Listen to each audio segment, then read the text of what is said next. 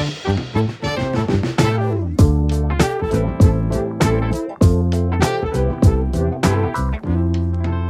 មជម្រាបសួរទស្សនិកជនទាំងអស់គ្នាសូមស្វាគមន៍មកកាន់កម្មវិធីជំនាញនិងអាជីពស៊េរីឆ្នាំ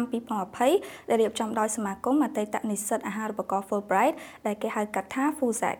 ដោយសារការរីករាលដាលនៃជំងឺរាតត្បាត COVID-19 FUSAC បានដំណើរការកម្មវិធីពិព័រណ៍មុខជំនាញសិក្សានិងការងារ2020ដោយជំនួសតាមរយៈវេទិកា Digital ដោយផ្ដល់ព័ត៌មានទូលំទូលាយដល់ទស្សនិកជនទូទាំងប្រទេសនៅថ្ងៃនេះយើងមានវិទ្យាក្រឹមមួយរូបដែលគាត់ជានិស្សិតបញ្ចប់ការសិក្សានៅសាកលវិទ្យាល័យ Lim Kok Wing និងជំនាញសិក្សាអន្តរជាតិនៅវិទ្យាស្ថានភាសាបរទេសព្រមទាំងបញ្ចប់ការសិក្សាបរិញ្ញាបត្រជាន់ខ្ពស់មកពីសហរដ្ឋអាមេរិកបច្ចុប្បន្ននេះគាត់កំពុងបម្រើការងារខាងវិស័យ Digital Marketing អញ្ចឹងកុំឲ្យខាត់ពេលវេលាយូរយើងមកជួបជាមួយនឹងគាត់ទាំងអស់គ្នាជំរាបសួរបងបាទជំរាបសួរចាអឺជាដំបូងបងអាចណែនាំខ្លួនជាមុនសិនបងបាទបងឈ្មោះអង្គវិសុទ្ធបញ្ញាហើយសប្ងៃបម្រើការជា ប្រធានជាន់ខ្ពស់ផ្នែក brand ហើយនិង digital marketing នៅក្រុមហ៊ុន Manulife Cambodia ហើយយូរទៅ មានប្រវត្តិការសិក្សាគួរសមដែរ មាន bachelor ទៅរៀន2មហាវិទ្យាល័យហើយក៏បានបញ្ចប់ថ្នាក់អនុបណ្ឌិតនៅអាមេរិកកាលពីឆ្នាំ2015ចាអឺហើយបងអាចប្រាប់ពីកត្តាបន្តិចបន្តួចជាត្រួសត្រាសថាហេតុអ្វីបានជាបងសម្រេចចិត្តថាបងនឹងជ្រើសរើសយក digital marketing អឺរឿងហ្នឹងគឺវែងឆ្ងាយដែរពីព្រោះប្រហែលជាដូចសិស្សទាំងអស់គ្នាពេលជាប់បាក់ដូរភ្លាមគឺអត់ទាន់ដឹងថារៀនអីទេពេលហ្នឹងបងក៏អញ្ចឹងដែរអត់ដឹងថារៀនអីទេហើយអញ្ចឹងទៅមើលពួកម៉ាក់មើលអីផងទៅក៏ គិតថាអូទៅរៀនសាលាណាក៏បានឲ្យមានមិត្តភ័ក្តិទៅសិនអញ្ចឹងក៏ចាប់ផ្ដើមរៀនដំបូងនៅលីមកវិញអឺរៀនបានមួយឆ្នាំហើយក៏មានអារម្មណ៍ថាដូចខ្លួនឯងនៅតែអត់ទាន់ដឹងថាខ្លួនឯងចង់ធ្វើអីអត់ចង់ធ្វើអត់ដឹងថាខ្លួនឯងចង់ធ្វើការអីហើយក៏អត់ដឹងថាខ្លួនឯងចូលចិត្តអីប្រកបអញ្ចឹងក៏ពូម៉ាក់បវល់ទៅរៀនគេហៅជំនាន់ហ្នឹងគេហៅ ISP នៅឡើយណាឥឡូវវាជា Department of International Studies នៅ IFL ហ្នឹងអញ្ចឹងក៏បងដាក់ពាក្យទៅចូលរៀន DRS ហ្នឹងមួយទៀតអឺរៀនពីរទៅគ្នាហើយ ក្នុងពេលរៀនហ្នឹងក៏យើងធ្វើការងារ volunteer អីច្រើនដែរនៅតាម project ផ្សេងផ្សេងរហូតដល់រៀនចប់អីហើយអឺក៏នៅតែអត់ទាន់ច្បាស់ថាខ្លួនឯងចូលចិត្តអីដែររហូតដល់យើងគេថាអឺ volunteer រៀង full time dedicate ជាងមុនហើយបានធ្វើការខ្លះបន្តិចបន្តួចទៅបានចាប់ផ្ដើមគិតថាខ្លួនឯងចូលចិត្ត digital marketing អឺហើយក៏បន្តការសិក្សាថ្នាក់អនុបណ្ឌិតយកជំនាញខាង marketing ហើយផ្ដោតសំខាន់ទៅលើ digital marketing ហ្នឹងតែម្ដងបាទ ចាបងអឺការសិក្សារបស់បងនៅសាកលវិទ្យាល័យលឹមកុកវិញហ្នឹងបងសិក្សាអីគេដែរកាលហ្នឹងគឺហៅ business management អញ្ចឹងយើងរៀន business ធម្មតាក្នុងហ្នឹង4ឆ្នាំកម្មវិធីសិក្សាហ្នឹងហើយរៀនទូទៅទាំងអស់បានន័យថារៀនតាំងពី management administration រៀន accounting operation យូរមក basic course ទាំងអស់ដែលតាក់ទងនឹងអាជីវកម្មណាបាទចាហើយបងអាចបកស្រាយថា digital marketing ហ្នឹងវាជាអ្វីហើយវាមានលក្ខណៈម៉េចបាទយំ digital marketing ហ្នឹងគឺជាផ្នែកមួយនៃ marketing ទាំងមូលហ្មងហើយបើយើងមើល marketing គឺវាធំអឺគឺវាចាប់ផ្ដើមយើងប្រហែលជាអ្នកដែលគាត់អានអឺ សភៅឬក៏ you know article នៅលើ online តាក់ទង marketing គាត់ច្បាស់ជាធ្លាប់ឮពាក្យថា 4Ps គេហៅថា product promotion place and price ហ្នឹងហើយអញ្ចឹងហើយយមន័យ marketing មែនតើគឺយើង create product ដាក់ឲ្យ communicate value របស់ product ហ្នឹងទៅកាន់អតិថិជនគោលដៅ target customers at the right time right place right អញ្ចឹង digital marketing វាជា channel មួយដែលជួយ communicate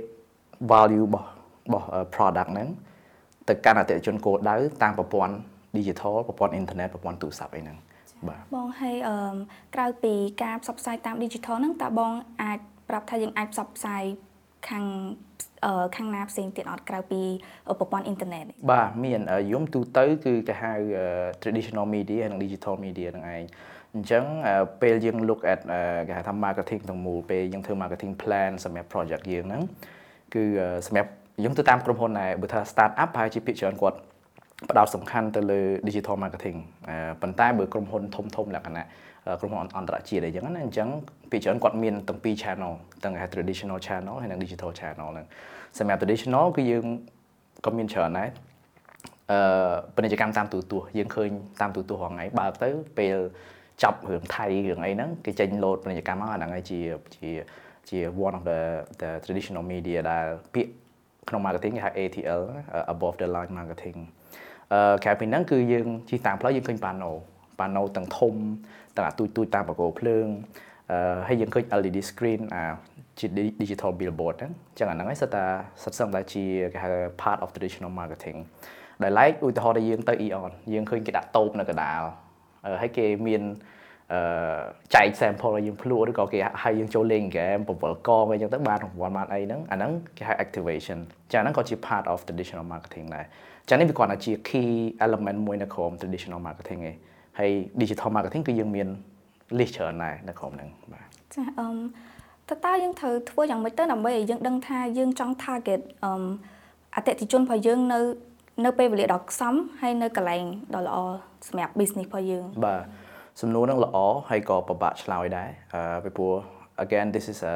គេហៅថា million dollar question អឺយើងត្រូវទីមួយត្រូវស្គាល់អតិថិជនគោលដៅរបស់យើងថាជាណាគេអឺព្រោះយើងដឹងថាយើងមានផលិតផលរបស់យើងយើងមិនអាចអឺ satisfy តម្រូវការរបស់អតិថិជនទាំងអស់ទេគេថាមនុស្សគ្រប់ស្រទាប់มันអាចជាអតិថិជនយើងទាំងអស់ទេអញ្ចឹងយើងត្រូវបែងចែកគោលដៅ ដែលគេពាក្យអង់គ្លេសគេហៅ segmentation ហ្នឹង define target market របស់យើងអញ្ចឹងទីមួយត្រូវស្គាល់សិនថាតើអតិថិជនគោលដៅយើងណាគេអឺហើយមានវិធីសាស្ត្រច្រើនក្នុងការដឹងរឿងហ្នឹងយើង look at market research យើង look at uh, looking at uh, insight របស់យើងហើយចែកថាអូអតិថិជនភាគច្រើនអាយុប៉ុណ្ណេះទៅប៉ុណ្ណេះប្រុសឬក៏ស្រីអឺហើយចំណងចំណូលចិត្តគាត់បែបណាពេលយើងស្គាល់អតិថិជនគោលដៅហើយបានយើង analyze តទៅទៀតថាតើពួកគាត់ភាគច្រើន គាត់គេហៅថា communicate តាមណាបានទៅដល់គាត់ជាទូទៅបើយើងមើលលើសតបគេហៅថាសម័យឥឡូវនេះអតិថិជនគឺគាត់គេហៅ cross touch point ហ្មងបានន័យថាគាត់នៅក្នុងទូរស័ព្ទផងគាត់នៅ laptop ផងគាត់គាត់មើលទូរទស្សន៍ផងគាត់ទៅដើរផ្សារផងទៅមើលកុនផងអញ្ចឹងវាត្រូវប៉ះទាំងអស់អញ្ចឹងអញ្ចឹងពិសេសក្មេងៗក្មេងៗប៉ះទាំងអស់ហ្មងហើយទូរស័ព្ទវិញចង្កគាត់ទូរស័ព្ទ2អីគាត់មានដែរ ហើយហើយបើថា Facebook វិញគាត់មិនមែនដូចចាស់ចាស់ចាស់ចាស់គាត់មើលម្ដងមួយ6បើថាក្មេងៗ scroll រហូតមករហូតដល់ប៉ះ content ណាមួយដែលចាប់អារម្មណ៍គាត់ឈប់ហើយគាត់ចុច like ឬក៏មួយទៀតគាត់ចុច like ទាំងអស់ like like like like like អញ្ចឹងបានថាអឺ behavior គាត់ហ្នឹងវាវាអត់គេថាសុក្រិតទេអញ្ចឹងយើងត្រូវ understand អតិថិជនគោលដៅ understand channel ដែលគាត់ប្រើប្រាស់ហើយយើង come up with a strategy និង plan ដើម្បីធ្វើម៉េចឲ្យ communication message របស់យើងហ្នឹងទៅតាម channel មួយហ្នឹងដែលគាត់ប្រើប្រាស់អឺចុះសម្រាប់បងផ្ទាល់បង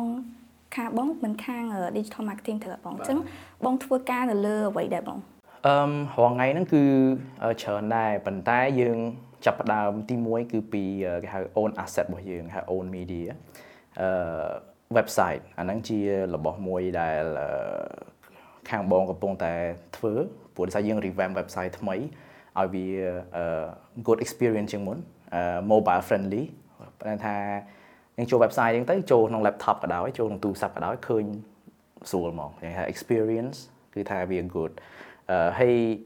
មេតិកានៅក្នុង website របស់យើងហ្នឹងគឺត្រូវតែគេហៅថាអតិថិជនគាត់ត្រូវការហ្មងមកតែគាត់ចូលមើលទៅមិនមែនគ្រាន់តែមានអក្សរឲ្យតែមានមានទេប៉ុន្តែវាជាវាឆ្លើយតបនឹងតម្រូវការរបស់អ្នកដែលចូលមក website របស់យើង ហ្នឹងទី1ទី2គឺខាងបង focus ទៅលើ social media ដែរអញ្ចឹងយើងធ្វើ digital marketing នៅលើ social media ដែលជាផ្នែកមួយសំខាន់សម្រាប់ទំនាក់ទំនងរបស់ក្រុមហ៊ុនយើងទៅ prospect ក៏ដូចជាអតិថិជនបាទចាអឺសម្រាប់ digital marketing ឬក៏សម្រាប់ការងារបងសប្តាហ៍ហ្នឹងបងចូលចិត្តអឺធ្វើអ្វីជាងគេហ្នឹងហើយអឺចូលចិត្តទាំងអស់តាមពិតទៅព្រោះសិតតែ interesting ណាប៉ុន្តែមានច្រើនណា Facebook តែមួយមិនមែន มันអាចគេហៅថា cover digital marketing ទាំងអស់ទេអឺប៉ុន្តែយើងមើលទៅគេហៅថា trend ហើយនឹង capability របស់របស់ក្រុមហ៊ុនយើងដែរយើងត្រូវតែយើងមិនអាចចេញគម្រោងមកយើងចាប់យក digital marketing ទាំងអស់យើងត្រូវមើលថា platform មួយណាយុទ្ធសាស្ត្រមួយណាដែលដែល give us a quick win ណាអញ្ចឹងថ្ងៃគឺបងចូលចិត្តទាំងអស់តាំងពីមើលលើ content របស់ Facebook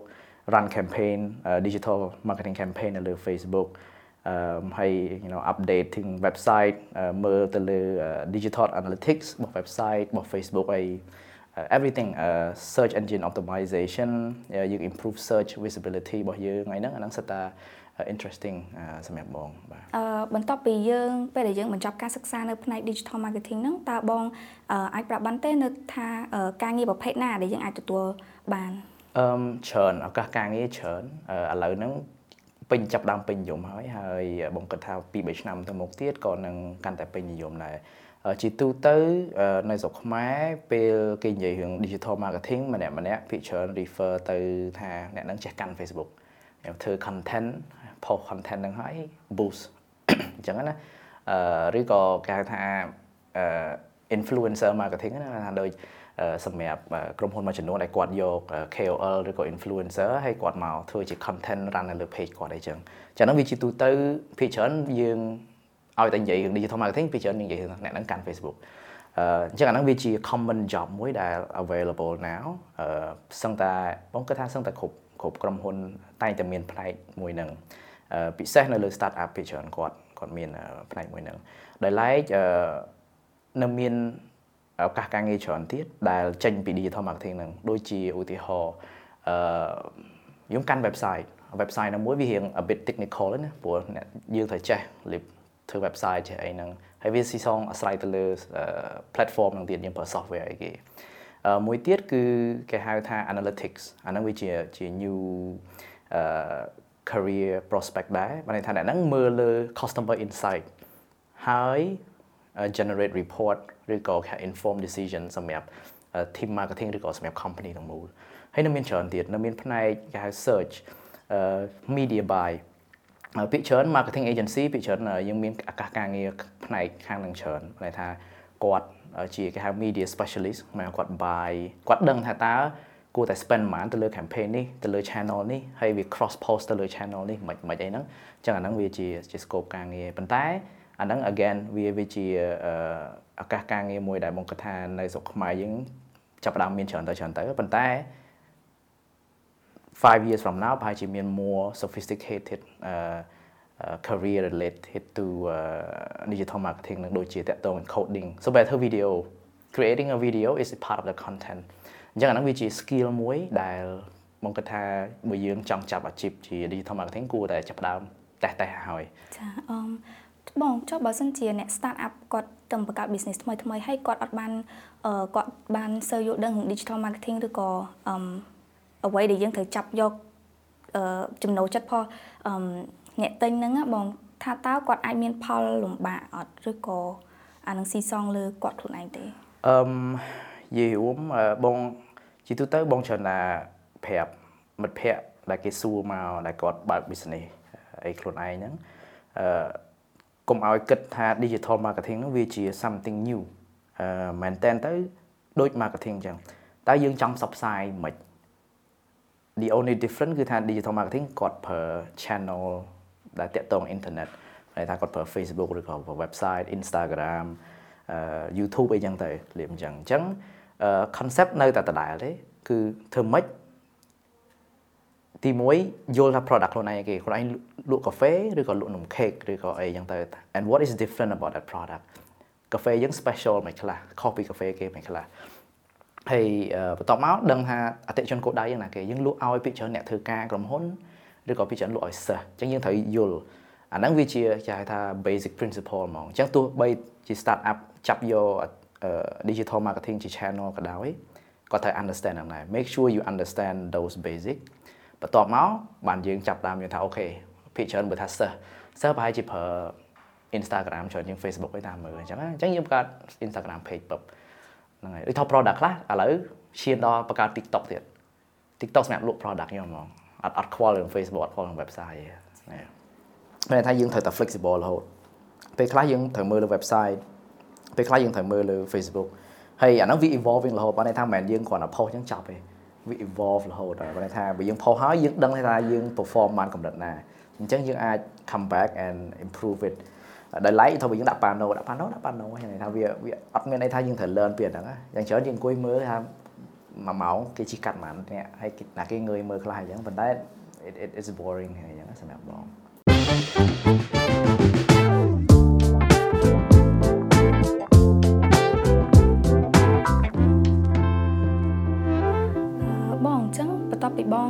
ហរៀន business ហើយនៅ Lim Cooking ហ្នឹងបងចូល digital marketing ហ្មងឬក៏បងចាប់យកអីផ្សេងសិនអឺការរៀននៅ Link Cooking ហ្នឹងគឺបងរៀនផ្នែក business ទូទៅទេហើយ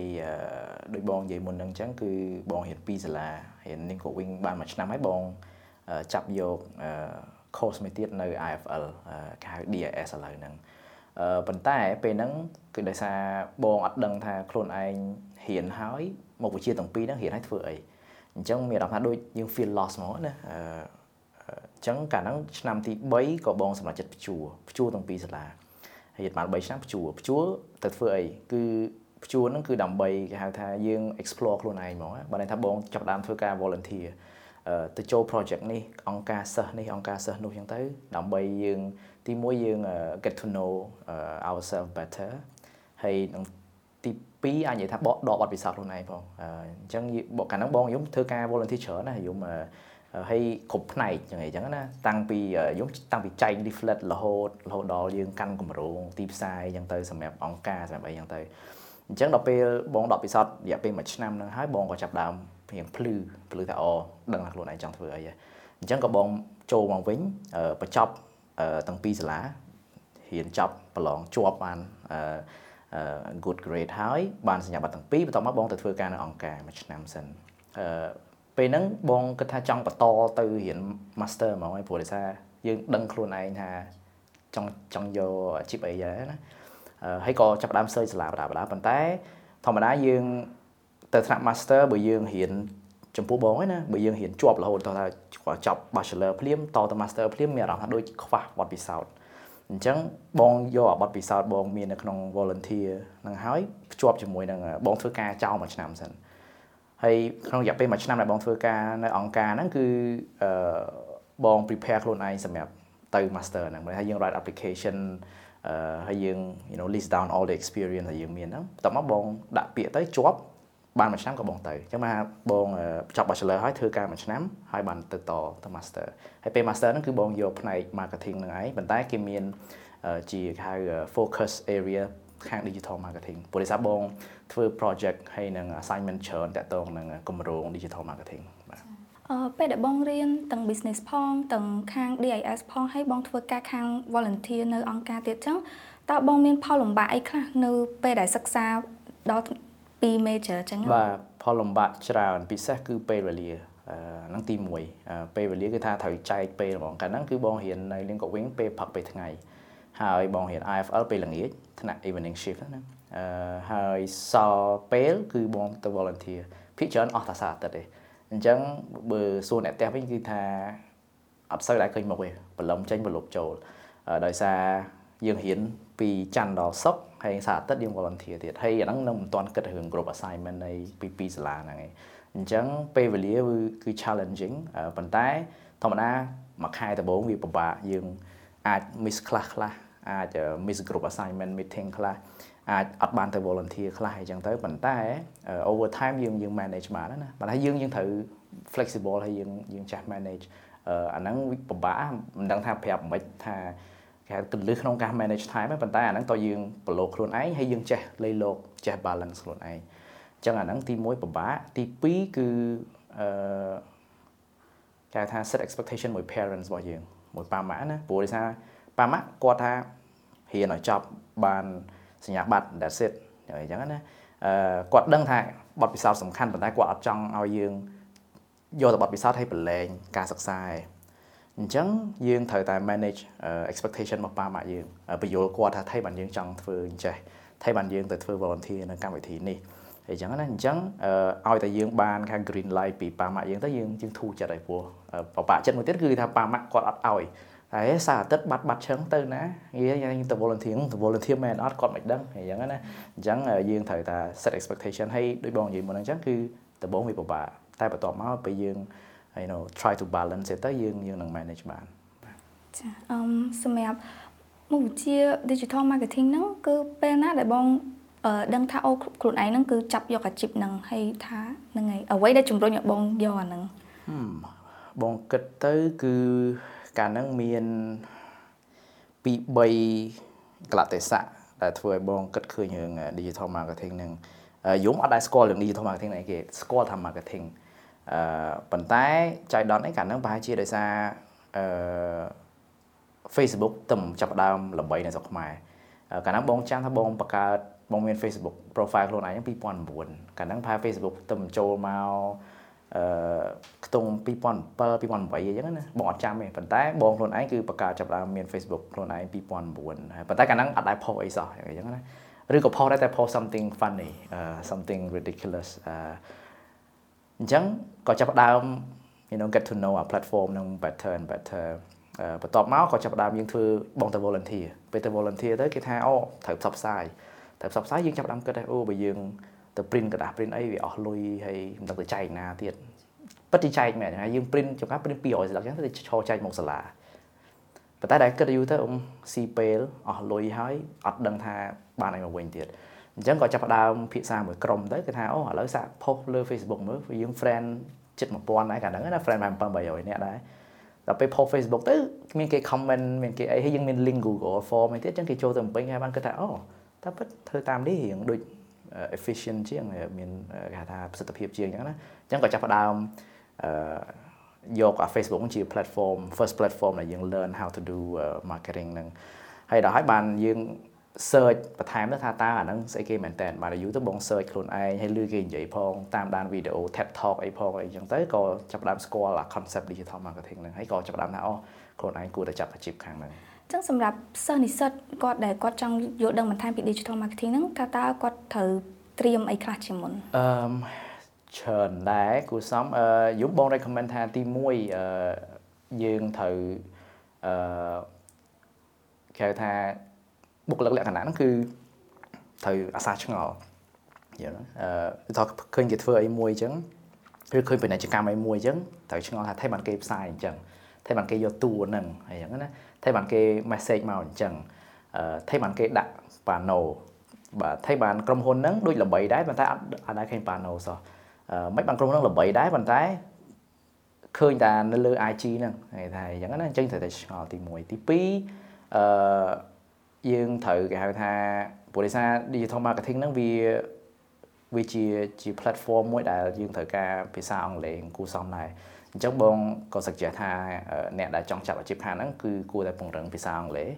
យើងចេះឲ្យច្បាស់ចេះទាំងខ្មែរព្រោះដោយសារពេលយើងធ្វើ content យើងធ្វើជាខ្មែរប៉ុន្តែយើង part of the process ហ្នឹងគឺយើងត្រូវ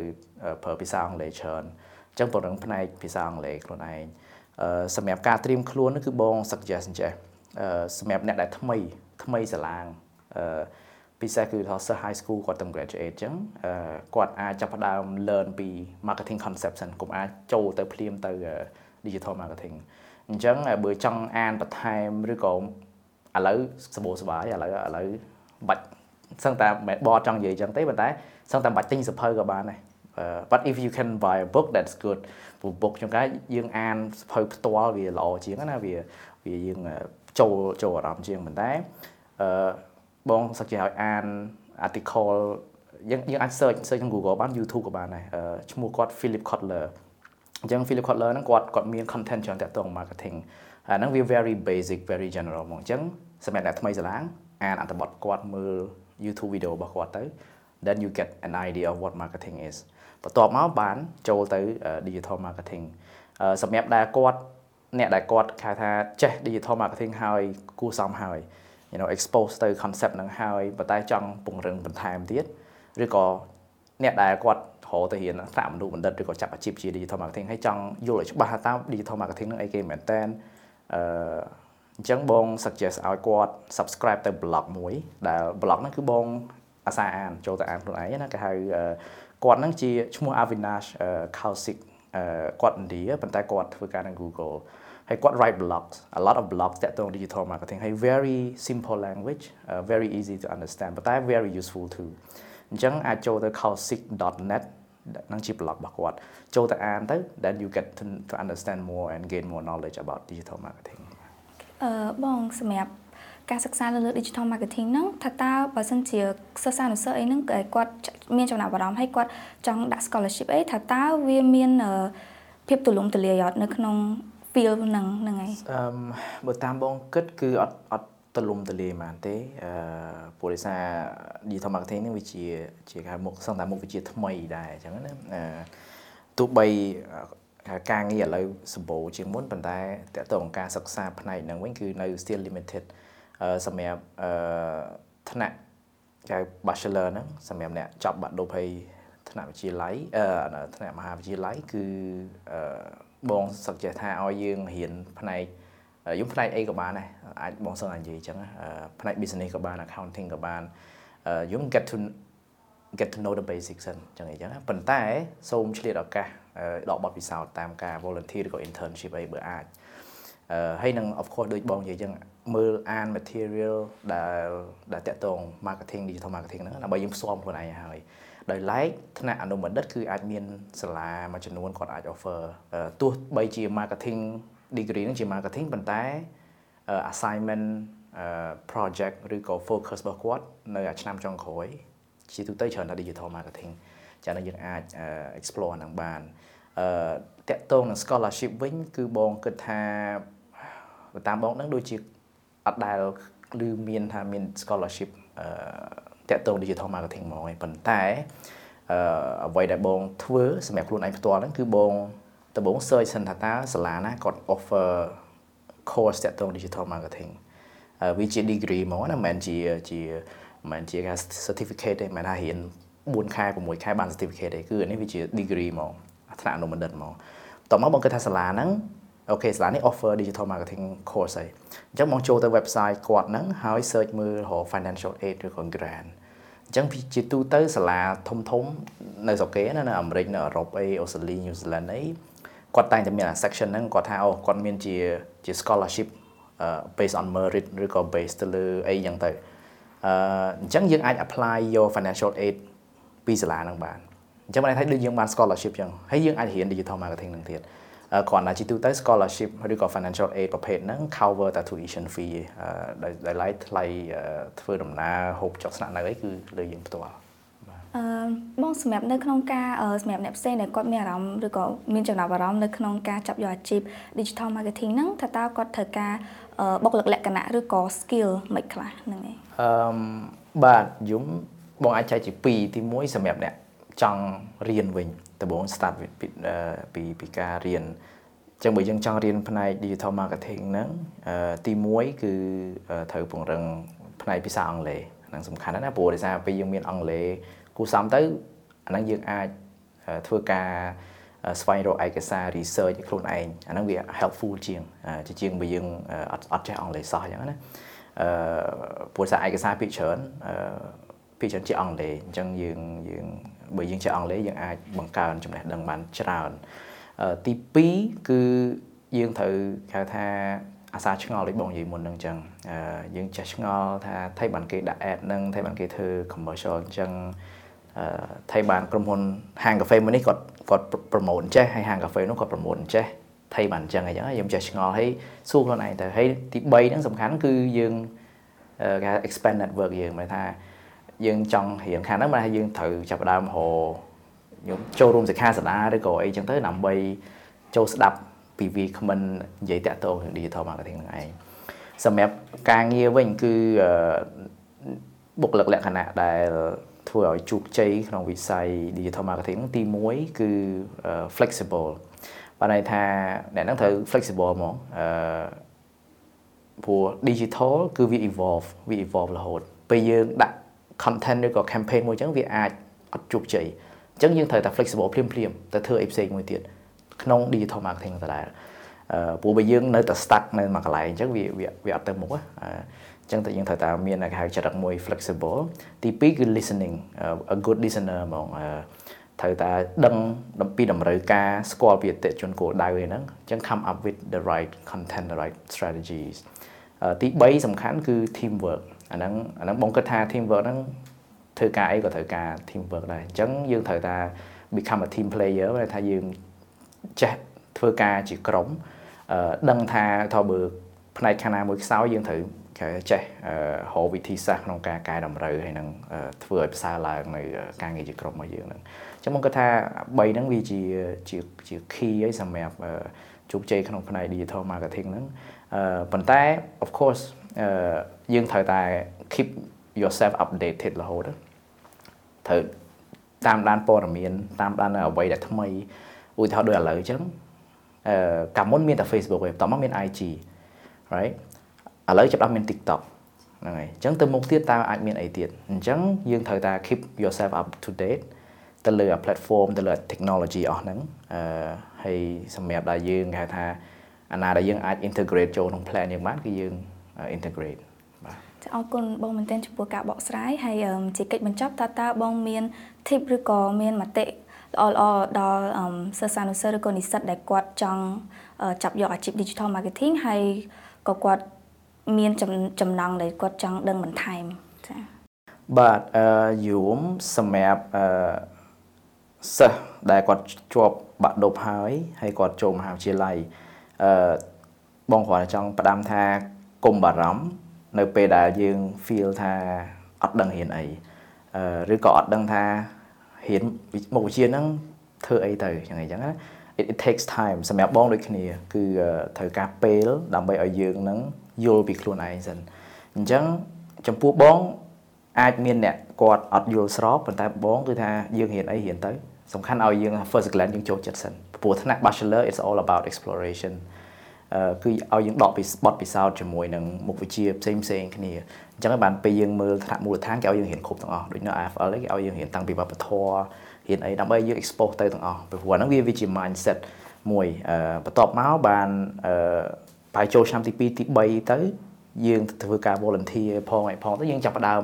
បដោះគំនិតខ្លួនឯងហើយយើងកាន់តែយល់ច្បាស់ពីខ្លួនឯងពីតម្រូវការខ្លួនឯងហើយដូចជាយល់ច្បាស់ពីគោលបំណងថាតើរៀនចប់គួរតែធ្វើអី ហើយបងមានមិត្តភ័ក្តិច្រើនដែលគាត់រៀន A តែគាត់ទៅធ្វើ B ពេលគាត់នេះណាមានមកកណ្ដោហ្នឹងគាត់នៅក្នុងក្រុមបងនៅកន្លែងធ្វើការមិញអ្នកខ្លះរៀនចប់ខាងច្បាប់តែឥឡូវមកធ្វើ marketing បាទតែក្នុង marketing ហ្នឹងគាត់អត់ធ្វើ marketing ទេគាត់កាន់ budget ទៀតអញ្ចឹងគាត់កាន់លុយវិញអញ្ចឹងឃើញគាត់រៀនច្បាប់ទៅធ្វើ marketing តែគាត់កាន់ budget អញ្ចឹងបានន័យថាយើងយើង yeah tip ហ្នឹងគឺថាកុំបារម្ភសំខាន់យើង commit to to explore yourself អង្គទី1អឺទី2គឺអឺត្រូវតែគេហៅថាយើងដាក់ចិត្តណាបើន័យថាយើងកុំបើយើងចង់ចាប់អាជីពផ្នែក digital marketing ហ្នឹងដូចបងនិយាយមុនហ្នឹងអញ្ចឹងអឺឥឡូវហ្នឹង it's all about social media ទេប៉ុន្តែទៅមុខទៀតគឺយើងអឺមាន skill ច្រើនទៀតដែល required នៅក្នុង digital marketing ដូចជា video ការធ្វើ video ការធ្វើការកាន់ website user experience user interface coding